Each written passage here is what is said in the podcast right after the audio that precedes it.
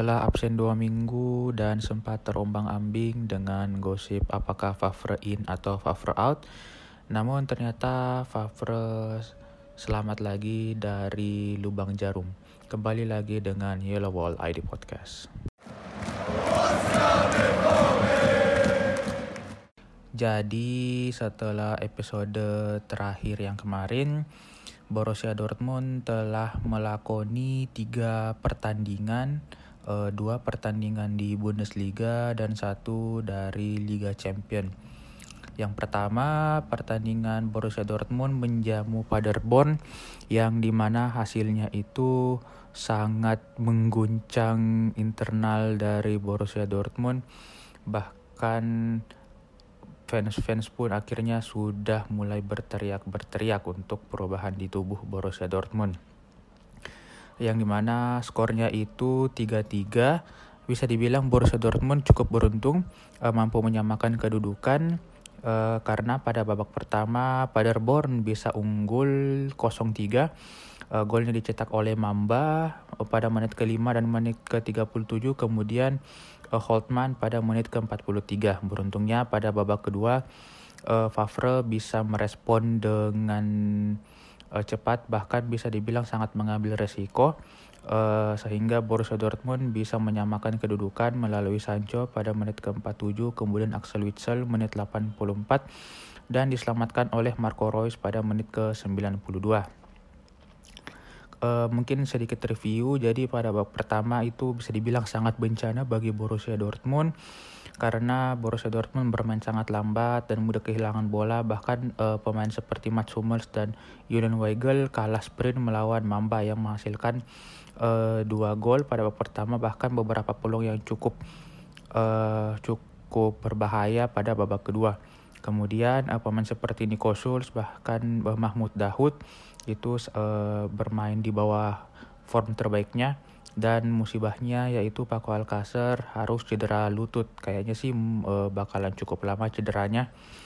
Namun pada babak kedua Borussia Dortmund bermain menyerang dan bermain cukup uh, beresiko dengan memasukkan Torgan Hazard dan Hakimi dan uh, hasilnya bisa dilihat dari uh, skor akhir di mana Borussia Dortmund mampu comeback 3-3 setelah pertandingan ini uh, para pimpinan dari Borussia Dortmund melakukan meeting internal untuk membahas kelanjutan nasib dari Favre.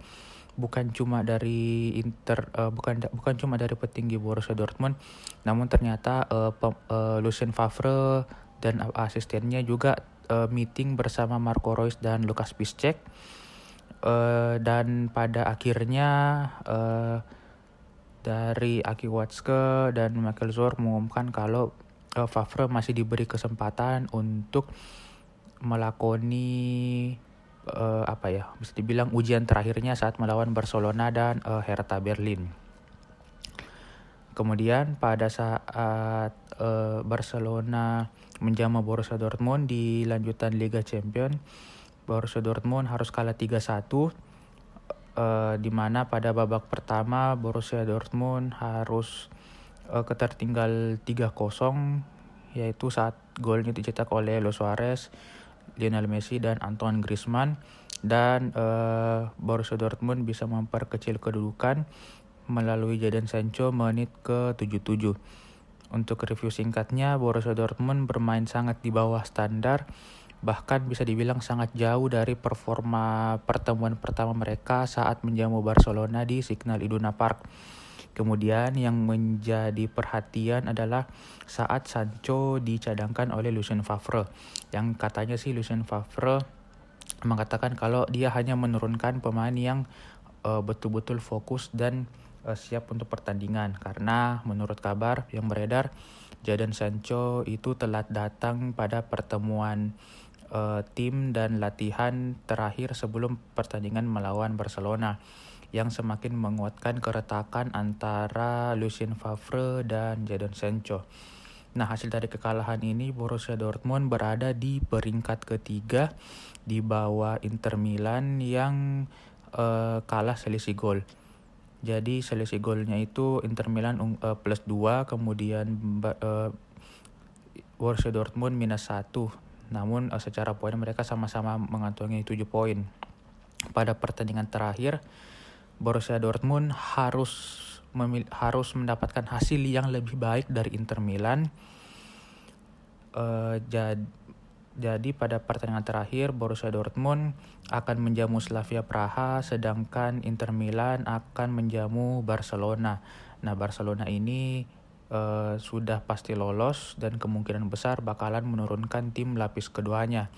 Sehingga uh, kita, Borussia Dortmund harus berharap-harap cemas uh, jika Barcelona mampu menahan uh, Inter Milan dan sambil mereka bisa menang melawan Slavia Praha.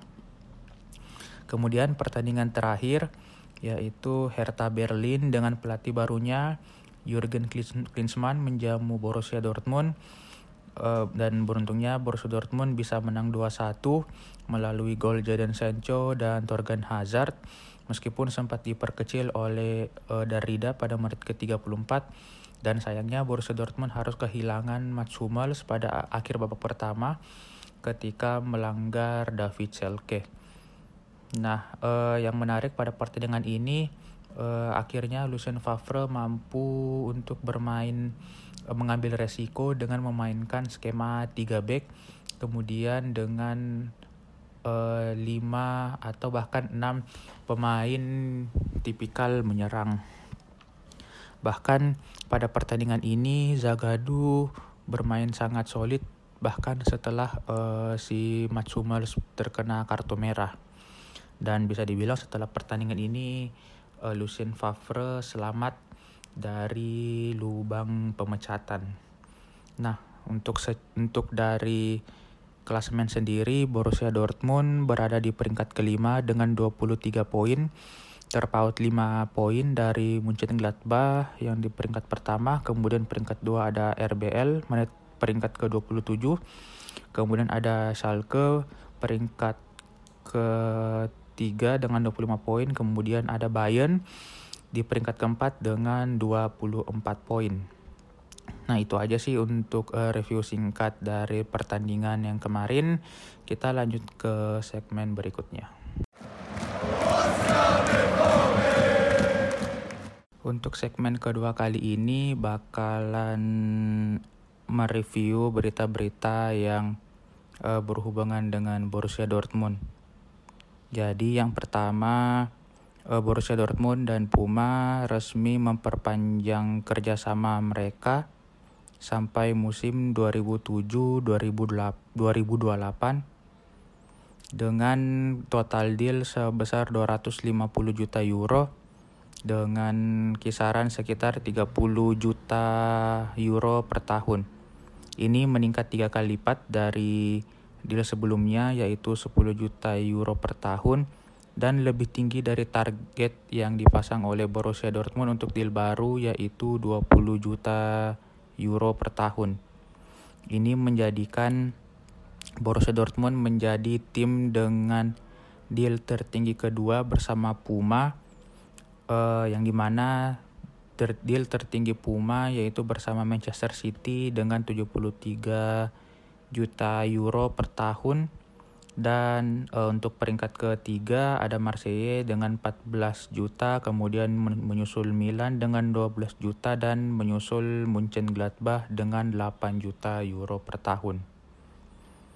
Kemudian untuk berita transfer uh, si Jadon Sancho katanya sih udah dipastikan dari uh, Michael Zorc kalau tidak akan pindah pada musim dingin ini menyusul uh, berita keretakannya dengan Lucien Favre dan Jadon Sancho yang merasa tidak nyaman lagi berada di Borussia Dortmund.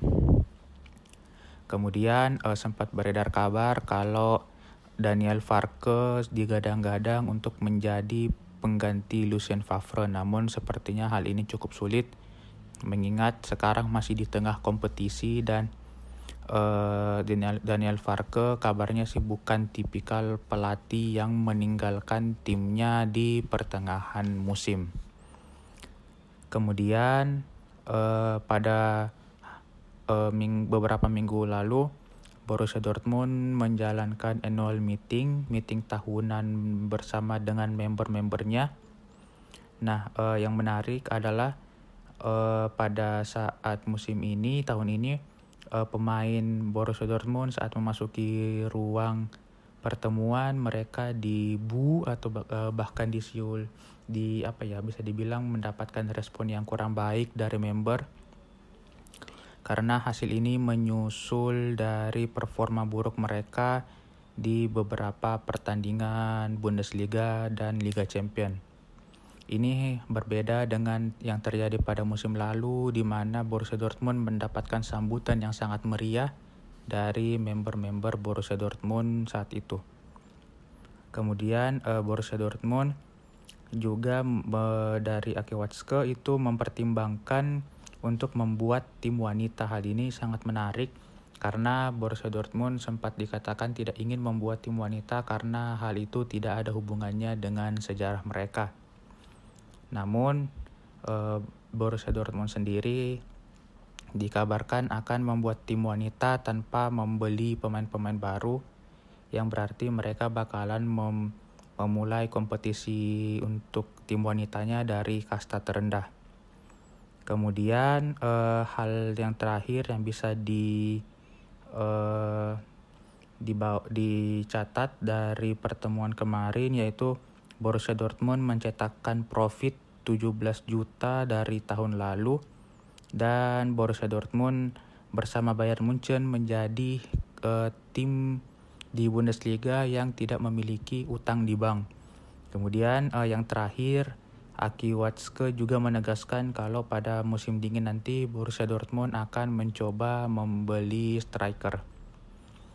Oke, mungkin itu aja untuk segmen kedua recap uh, beberapa berita pada beberapa minggu ini dan kita lanjut ke segmen berikutnya.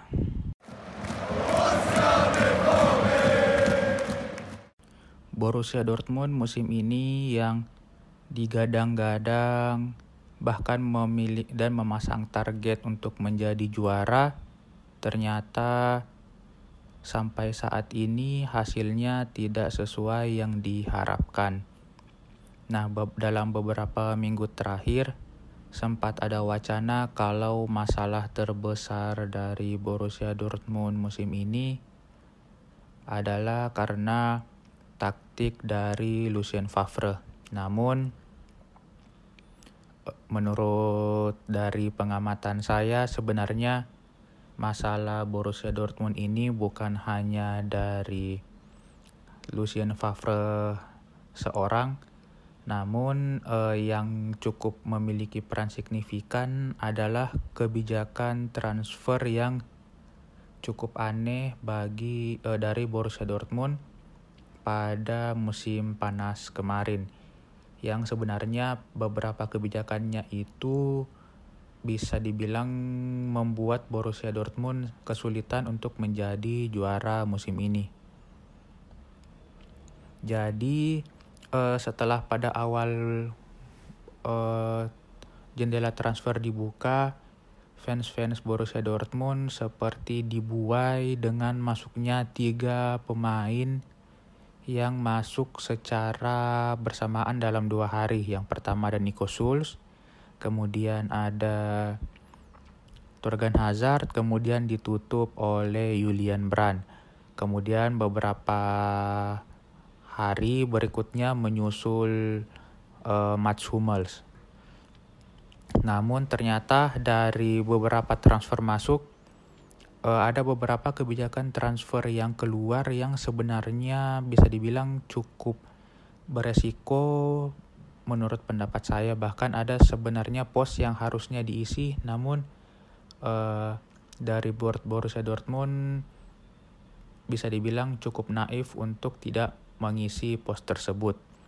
Jadi uh, ada tiga poin yang menurut saya kebijakan transfer Borussia Dortmund yang cukup aneh pada musim panas kemarin.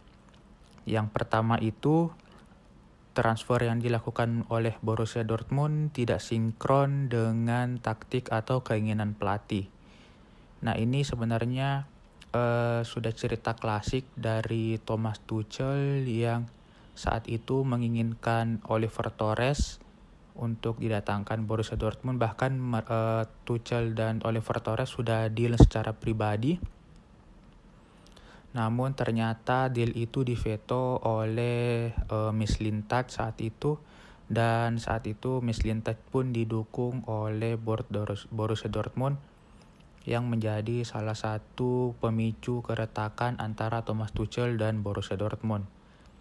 Nah, ternyata hal ini juga masih berlaku di Lucien Favre karena uh, beberapa pemain dijual dan didatangkan tanpa bisa dibilang tanpa diketahui atau bahkan tanpa persetujuan dari Lucien Favre.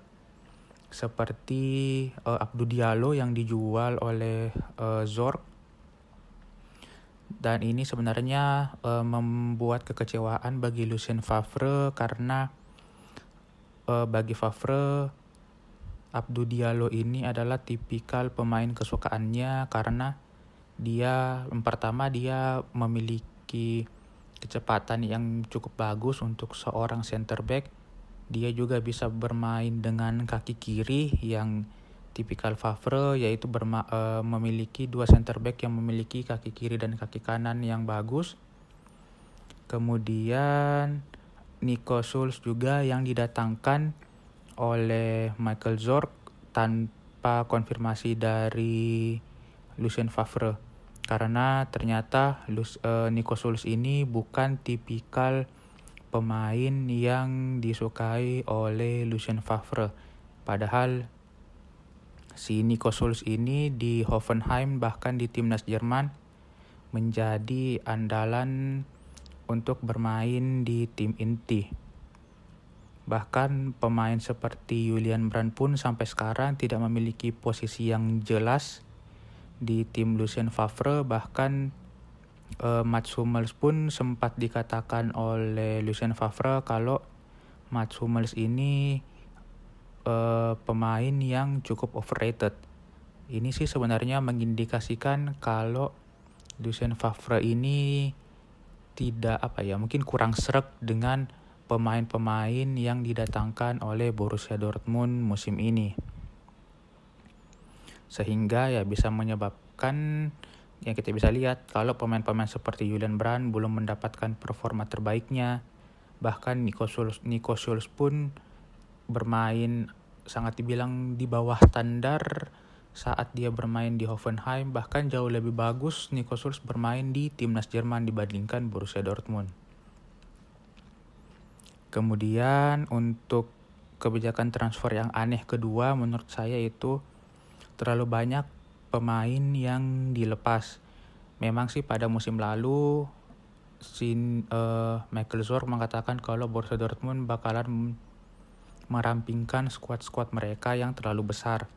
Nah, yang pada uh, musim panas kemarin Borussia Dortmund melepas beberapa pemain seperti Omar Toprak, kemudian ada Abdul Diallo, kemudian ada Marius Wolf, kemudian ada Maximilian Philip, Shinji Kagawa, dan Sergio Gomez yang dipinjamkan ke Spanyol.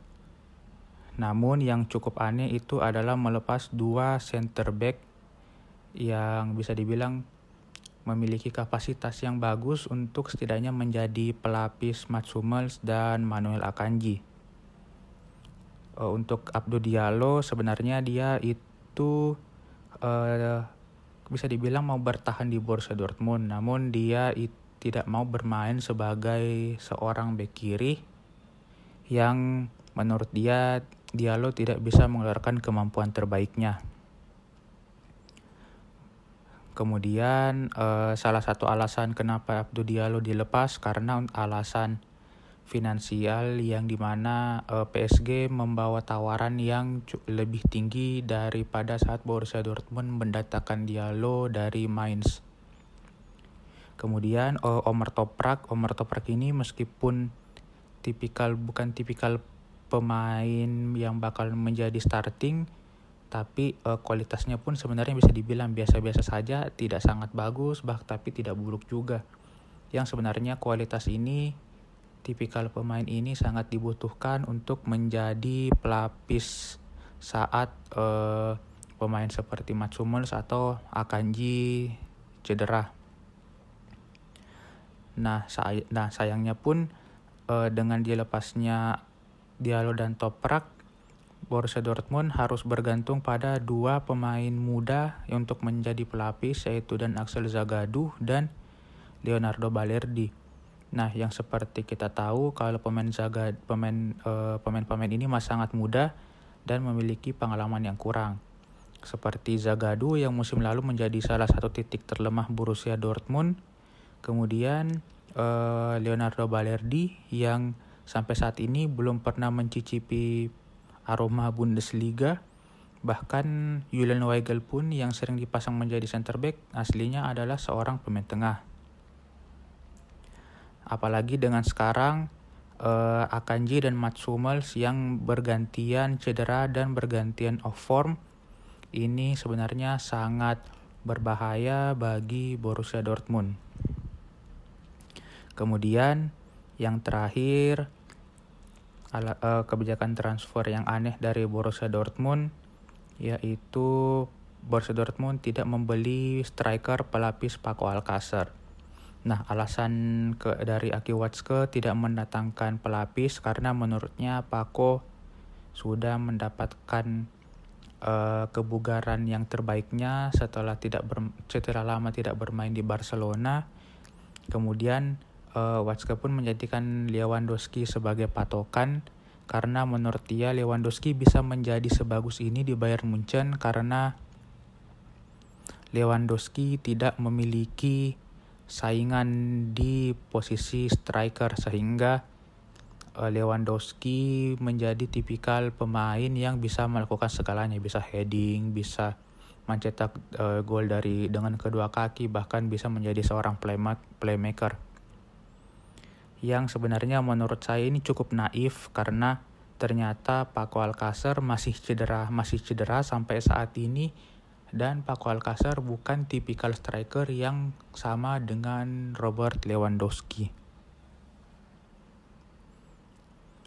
Kemudian uh, yang uh, menjadi yang cukup aneh itu ketika Borussia Dortmund melepas Alexander Isak ke Real Sociedad Padahal uh, saat Alexander Isak dipinjamkan ke Willem Tue pada setengah musim kemarin, performanya itu sangat baik bahkan sempat membawa Willem Tue eh, bermain di final uh, Piala Liga Belanda. Saat itu mereka kalah melawan Ajax. Dan uh, pada musim lalu Alexander Isak bahkan sempat mencetak hat-trick bersama Willem Tue dan ini sebenarnya menjadi indikasi kalau si Alexander Isak ini cukup pantas untuk bermain bersama Borussia Dortmund. Apalagi kalau kita lihat statistik Alexander Isak sekarang bersama Real Sociedad sih saya yakin para petinggi Borussia Dortmund uh, bisa dibilang akan sangat menyesal melepas Alexander Isak ke Real Sociedad. Apalagi Alexander Isak ini dijual dan diberi opsi buyback dengan harga yang cukup tinggi. Kayaknya sih kalau nggak salah sekitar 30 atau 40 juta euro untuk buybacknya. Dan sekarang Borussia Dortmund tanpa Paco Alcacer yang cedera bermain tanpa sosok seorang striker pun. Oke, jadi mungkin uh, itu aja yang uh, bisa saya bahas tentang kebijakan aneh transfer Borussia Dortmund pada musim panas kemarin yang sebenarnya ini bisa berefek Borussia Dortmund bakalan tidak menjadi juara musim ini kalau tidak ada perubahan signifikan yang terjadi ya paling lambat pada transfer musim dingin kali ini. Dan untuk secara overall sih Borussia Dortmund cukup naif karena mereka menganggap skuad mereka itu sudah cukup untuk menjadi juara musim ini namun mereka lupa kalau Borussia Dortmund seperti dikutuk kalau uh, pemain-pemainnya itu jadi gampang cederaan saat masuk di Borussia Dortmund. Kemudian uh, Borussia Dortmund juga ini masih nanggung untuk investasi pemain karena was, uh, sepertinya sih Borussia Dortmund masih agak bingung apakah mereka harus membeli pemain yang sudah jadi atau pemain yang masih muda seperti yang uh, dilakukan selama ini. Oke, mungkin uh, itu aja untuk episode kali ini dan pada weekend weekend nanti Borussia Dortmund akan menghadapi Fortuna Düsseldorf dan akan melawan Slavia Praha di Liga Champion. Oke, mungkin itu aja kali ini dan sampai jumpa di episode berikutnya.